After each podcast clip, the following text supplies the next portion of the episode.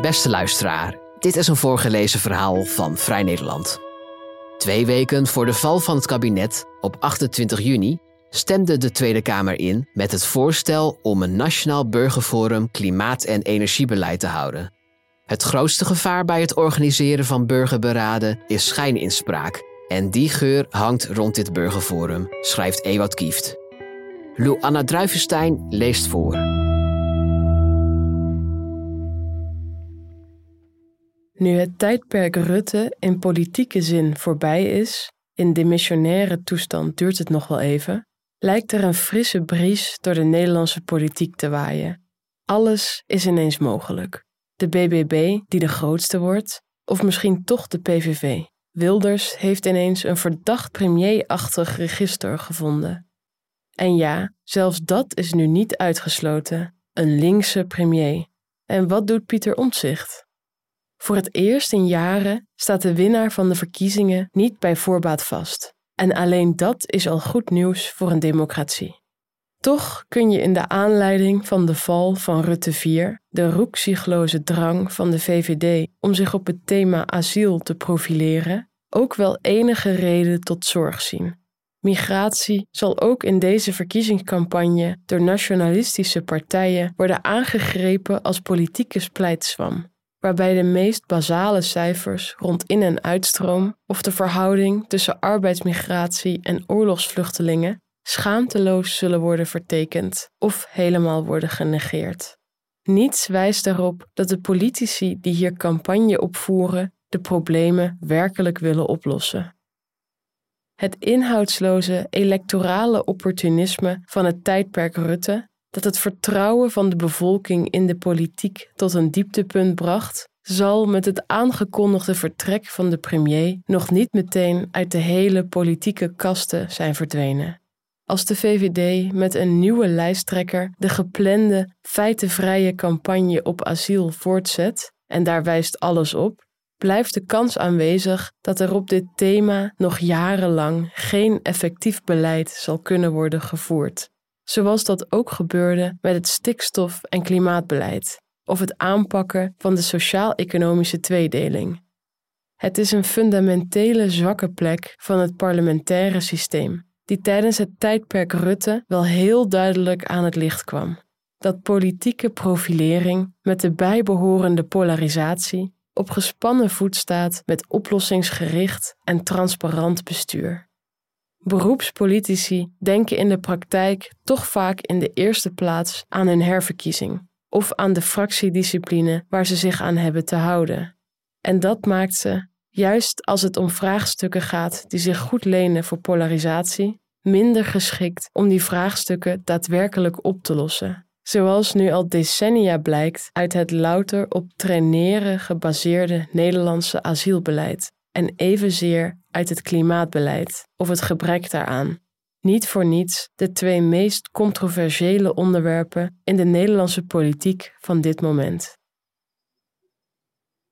Het politieke onvermogen om iets constructiefs tot stand te brengen op de terreinen waar het gevaar van electorale afstraffing groot is, doet steeds meer stemmen opgaan om dan maar naar andere democratische middelen te zoeken. Want eigenlijk zou je de besluitvorming op dit soort omstreden thema's, die de hele samenleving aangaan, niet alleen aan beroepspolitici moeten overlaten. In een democratie die werkelijk voor en door burgers wil zijn, zou het de normaalste zaak van de wereld moeten zijn om, als de beroepspolitici er niet uitkomen, bij gewone burgers te raden te gaan.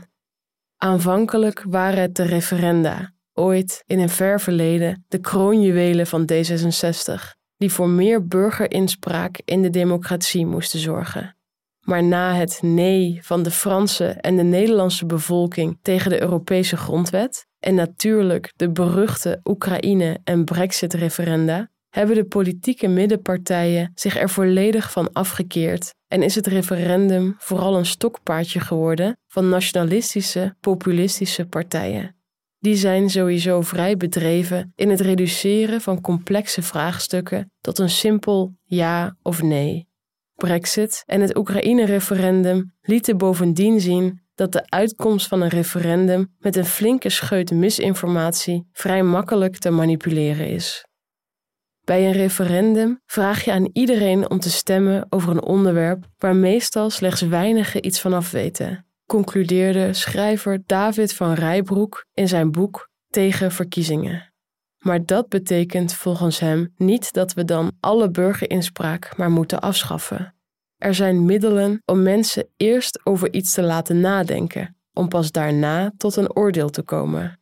Eén daarvan is een zogeheten preferendum, waarbij burgers een lijst concrete maatregelen krijgen voorgelegd waarvoor ze met een cijfer tussen de 1 en de 5 hun waardering kunnen geven en ook nog kunnen vermelden welke van de voorstellen ze het allerbeste vinden.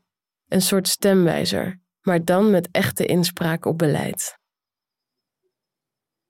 Een andere manier om burgers geïnformeerd te laten meebeslissen is het burgerberaad waarvoor David van Rijbroek en de Nederlandse schrijfster Eva Rovers, tevens directeur van Bureau Burgerberaad, zich al jaren sterk maken.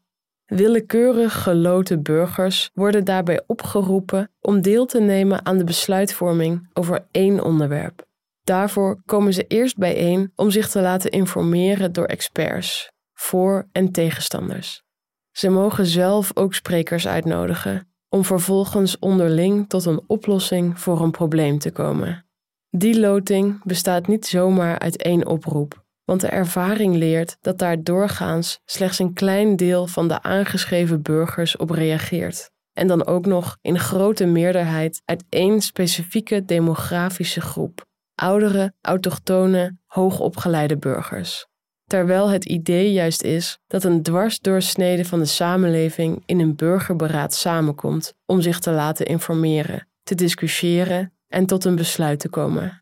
Daarom wordt er na de zeer ruime eerste loting een tweede gewogen loting gehouden, waardoor uiteindelijk alle verschillende groepen in de samenleving evenredig vertegenwoordigd zullen zijn, hoewel dat in de praktijk lang niet altijd lukt. Wat wel vaak goed lukt in burgerberaden, is dat de deelnemers constructief met elkaar in debat gaan en dan heel goed in staat blijken om tot wel overwogen, geïnformeerde beslissingen te komen. Dat mensen door het lot worden samengebracht om een probleem op te lossen en nog niet van elkaar weten met welke partij of stroming ze zich identificeren, als ze dat al doen, zorgt voor een open basishouding. Uit de vele onderzoeken die zijn gedaan naar zogeheten deliberatieve democratie, zoals burgerberaden ook wel worden genoemd, blijkt dat de focus op partijtegenstellingen, waar de meeste politieke campagnes van de afgelopen decennia om draaien, bepaalt niet het beste in de rationele vermogens van mensen naar boven haalt. Terwijl situaties waarin partijdigheid en identificatiedrang nauwelijks een rol spelen, mensen veel meer stimuleren om gezamenlijk naar oplossingen te zoeken. Het voorbeeld dat in dit verband vaak wordt aangedragen is de abortuswetgeving in Ierland. Tot zo'n vijf jaar geleden was dat het meest omstreden onderwerp dat je in de door en door katholieke Ierse samenleving kon bedenken. Decennia lang lukte het de Ierse parlementariërs niet om de polarisatie te doorbreken en veranderde er niets in de draconische abortuswet, die het artsen verbood om in te grijpen, zelfs in het geval van verkrachting of ernstige gezondheidsrisico's voor vrouwen. Pas toen er een burgerforum werd georganiseerd, waarbij zorgvuldig werd gelet op de samenstelling die een dwarsdoorsnede van de bevolking moest zijn, met de juiste afspiegeling van voor- en tegenstanders, lukte het om de impasse te doorbreken. Gedurende een half jaar verdiepten de geloten burgers zich in de verschillende afwegingen, luisterden ze naar experts, gingen de deelnemers respectvol met elkaar in gesprek en besloten ze uiteindelijk met een overtuigende meerderheid om legalisering te adviseren.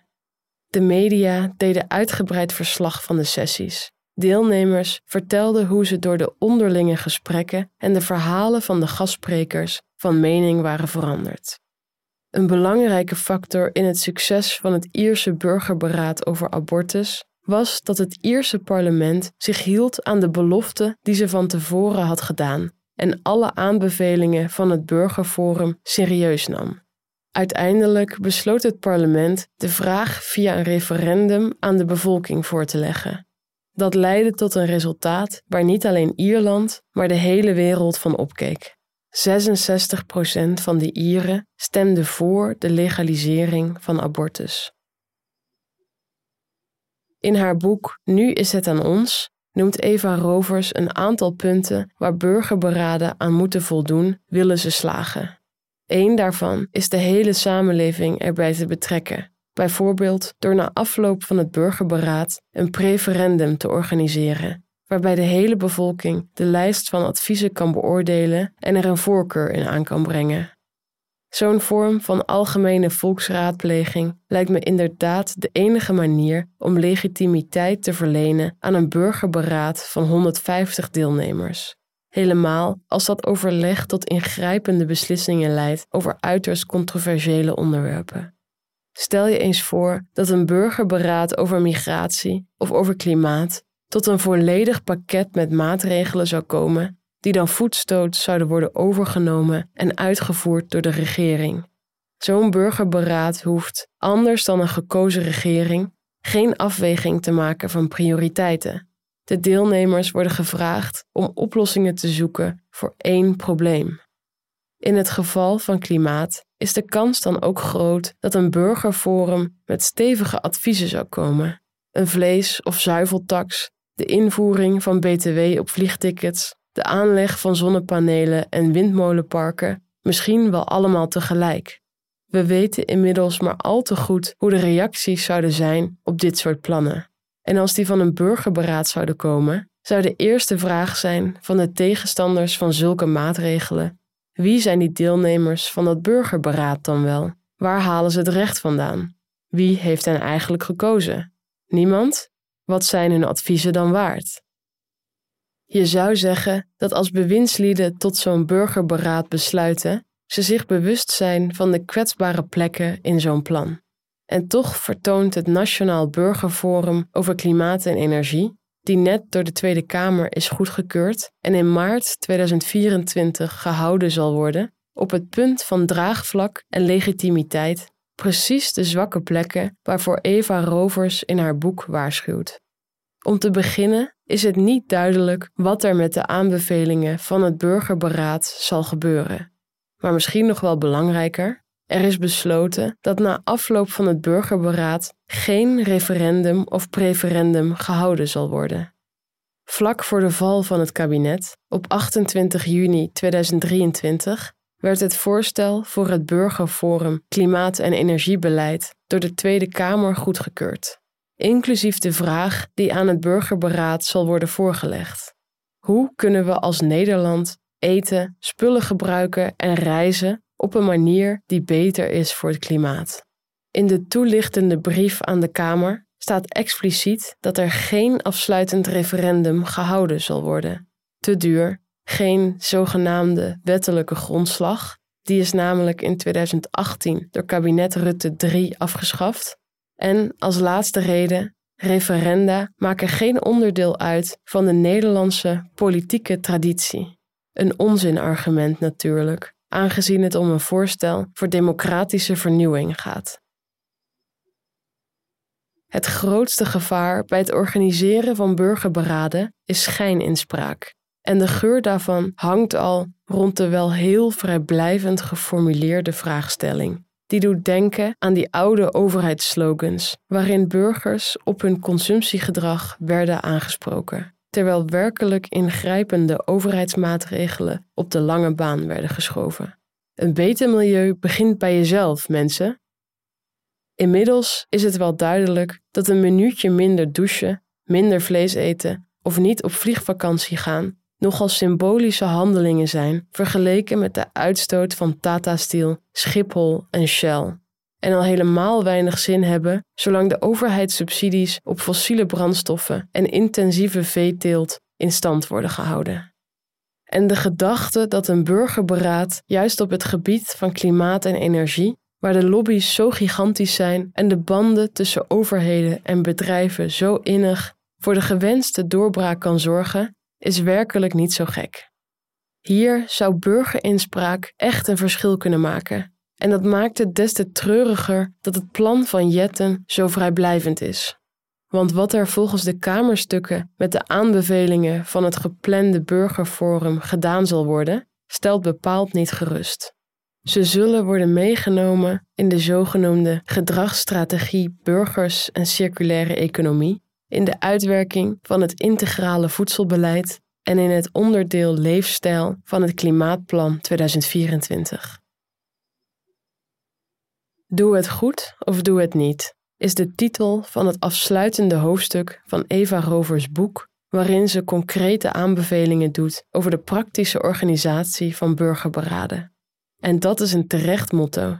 Elke keer dat er burgerinspraak wordt georganiseerd en blijkt dat er niet werkelijk sprake van inspraak was, geeft dat een knauw aan het vertrouwen in de politiek en uiteindelijk ook in de democratie als staatsvorm. Burgerberaden en andere zorgvuldig uitgevoerde vormen van burgerinspraak kunnen helpen dat vertrouwen te herstellen. Maar dat werkt alleen als de uitkomsten ook echt ter harte worden genomen. De achteloze manier waarmee Europese leiders in 2005 de uitkomsten van de referenda over de Europese grondwet terzijde schoven, heeft veel schade aan het vertrouwen van burgers in de politiek aangericht. Zoals ook het Franse Burgerforum over klimaat, waarvan president Macron beloofde dat hij de uitkomst integraal zou uitvoeren, in 2021 tot enorme verbittering leidde omdat er na een stemronde in de Franse Senaat vrijwel niets overbleef van de aanbevelingen. Uiteindelijk geldt voor burgerberaden hetzelfde als voor referenda en voor alle andere initiatieven in een democratie. Er zijn integere politici en bestuurders nodig om ze te laten werken, zoals kritische en betrokken burgers nodig zijn om erin te participeren. Een wondermiddel om de democratie als geheel te redden zijn ze niet hoewel ze, zeker op lokaal niveau, echt wel kunnen bijdragen aan het herstel van het principe van een democratie voor en door het volk. En wie weet kunnen ze van onderaf doorgroeien tot een vast bestanddeel in onze democratische cultuur. Maar of ze ooit in staat zullen zijn om de ouderwetse verkiezingspolitiek met haar polariserende campagnes en opportunistische beroepspolitici volledig te vervangen, valt te betwijfelen.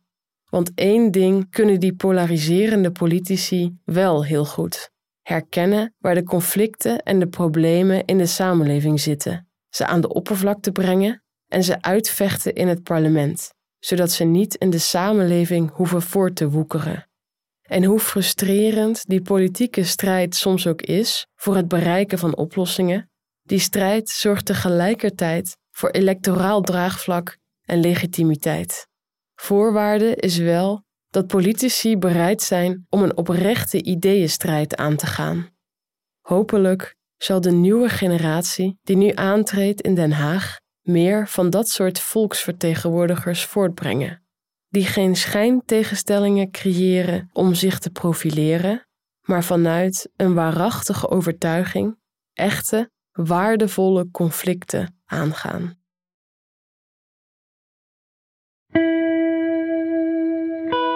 Wil je meer verhalen van ons lezen of beluisteren?